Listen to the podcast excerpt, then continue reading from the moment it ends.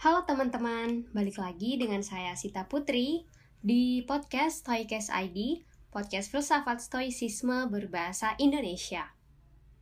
Nah, di episode 14 kemarin kita kan udah membahas tentang latihan menderita yang latihan ini tuh berguna untuk mengubah mindset 3P.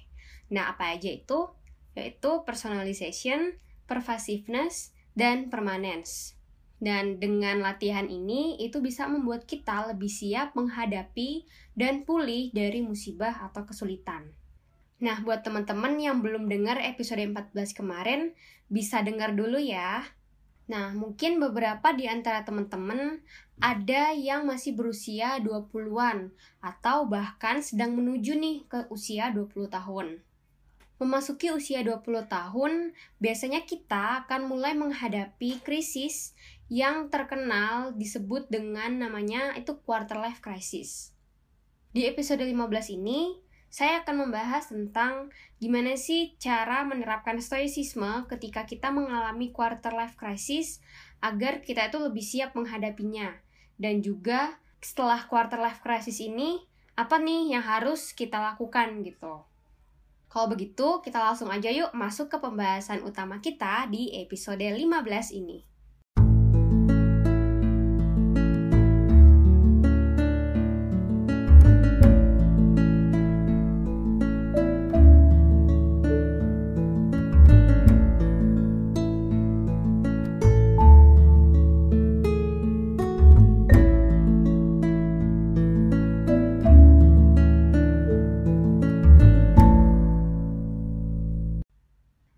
Sih quarter life crisis itu? Jadi, menurut psikolog klinis Alex Fogg, quarter life crisis adalah masa ketidakamanan, keraguan, dan kekecewaan seputar karir, hubungan, dan situasi keuangan. Quarter life crisis ini biasanya muncul di usia 20-an, ketika kita lulus dari dunia perkuliahan dan atau saat kita pindah dari rumah orang tua kita Istilahnya ketika kita mulai merantau. Nah, teman-teman tahu nggak sih? Ternyata manusia itu tuh sudah mengalami krisis sejak masih bayi. Hal ini dibuktikan dari teori psikolog Jerman, yakni Erik Erikson, tentang tahapan perkembangan psikososial atau stage of psychosocial development. Teman-teman bisa cari ya nanti gambarnya, itu nanti ada uh, tahapan perkembangan psikososialnya itu ada apa aja. Nah, jadi dari teori ini dijelaskan bahwa ada delapan tahap perkembangan psikososial yang dialami oleh manusia, serta konflik yang dihadapinya. Nah, quarter life crisis itu ternyata dimulai saat manusia memasuki usia young adult dan menghadapi konflik yakni intimacy versus isolation. Lalu kita harus gimana nih ketika quarter life crisis ini terjadi? Nah, teman-teman, satu-satunya cara untuk menghadapi quarter life crisis ini yaitu dengan menyelesaikan krisis itu. Jadi tuh gini, kita tuh tahu kalau segala hal di dunia ini pasti ada baik buruknya. Dan tugas kita di dunia ini salah satunya yaitu menyelesaikan krisis itu. Dan pada dasarnya, hidup kita adalah sekumpulan krisis dan juga keseimbangan. Kalau dipikir-pikir nih ya, Sebenarnya hidup kita tuh gak bakal seru loh kalau gak ada krisis. Iya gak sih? Coba teman-teman bayangin deh. Kalau hidup kita tuh datar-datar aja, gak ada krisis, ya flat aja gitu. Kita tuh gak akan dapat cerita dalam hidup kita. Karena sebenarnya krisis inilah yang membangun cerita dan makna dalam hidup kita. Lalu, apakah kita bisa menghindari krisis?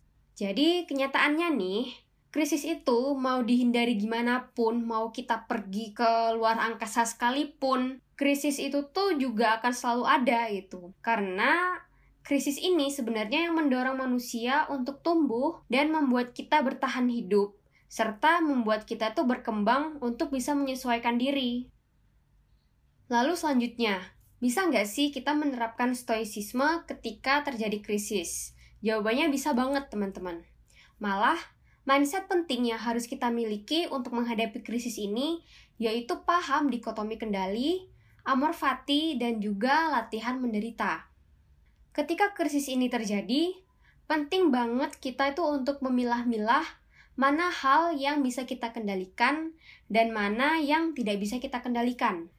Nah, ketika kita sudah paham mana hal-hal yang berada dalam kendali kita dan mana yang tidak, kita bisa berlatih untuk menerima dengan ikhlas segala peristiwa yang terjadi di luar kendali kita dan juga mencintai peristiwa tersebut. Yang terakhir, karena kita akan selalu menemui krisis dalam hidup, penting bagi kita untuk berlatih menderita. Karena gini, krisis kan akan selalu ada tuh. Tetapi semakin uh, bertambahnya usia, bentuk krisis ini tuh akan berubah dan berganti dan ketika kita terbiasa dengan latihan menderita dengan krisis yang ada, itu artinya kemampuan atau skill kita dalam menghadapi krisis ini akan semakin berkembang gitu, akan uh, sudah berkembang karena kita udah terbiasa nih. Lalu apa yang dilakukan nih setelah kita mengalami quarter life crisis? Apakah nanti juga akan ada uh, krisis di umur 30 atau 40 gitu?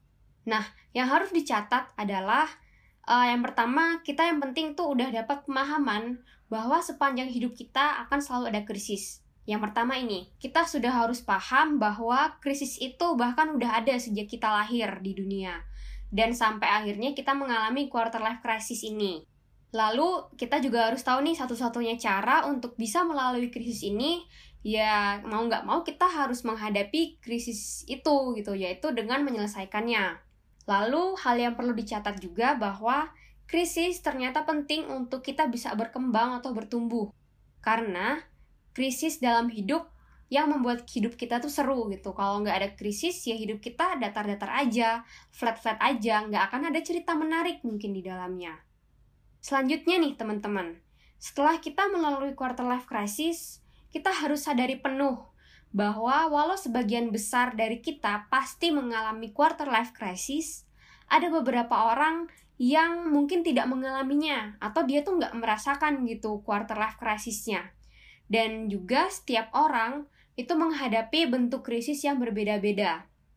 Krisis akan menjadi subjektif pada setiap orang karena dipengaruhi oleh pengalaman, hal yang memicu krisis itu, masalah yang dihadapi, lingkungan sekitar, dan juga kondisi diri sendiri.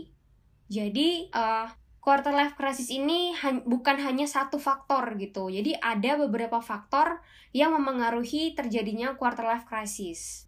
Lalu berikutnya, hal yang paling penting adalah bagaimana cara kita memandang krisis itu. Jadi, uh, kita tuh harus berusaha melihat krisis sebagai sebuah tantangan baru, bukan sebagai suatu masalah. Ketika kita bisa membiasakan diri memandang krisis sebagai suatu tantangan baru, hal ini akan memengaruhi bagaimana cara kita menghadapi krisis selanjutnya dan dapat membantu kita untuk berdamai lebih cepat dengan krisis ini. Terakhir, buat kita semua yang saat ini sedang mengalami krisis, ingatlah mantra ini. Yang penting hari ini sudah lebih baik dari hari kemarin. Semoga saya dan teman-teman bisa melalui berbagai macam krisis dalam hidup kita, mendapatkan makna dalam setiap krisis itu, dan kemampuan kita dalam menghadapi krisis juga semakin bertambah ya. Oke teman-teman, saya membebaskan teman-teman untuk menyimpulkan pembahasan kali ini sesuai dengan pengalaman teman-teman dalam menghadapi krisis, terutama quarter life crisis. Terima kasih ya sudah mendengarkan episode 15 Toycast ID hingga selesai. Jangan lupa share podcast ini jika menurut teman-teman bermanfaat. Kritik, saran, diskusi, dan pertanyaan bisa langsung disampaikan aja melalui DM ke akun media sosial yang ada di deskripsi episode ini. Saya Sita Putri pamit, sampai jumpa di episode Stoikas ID selanjutnya. Bye!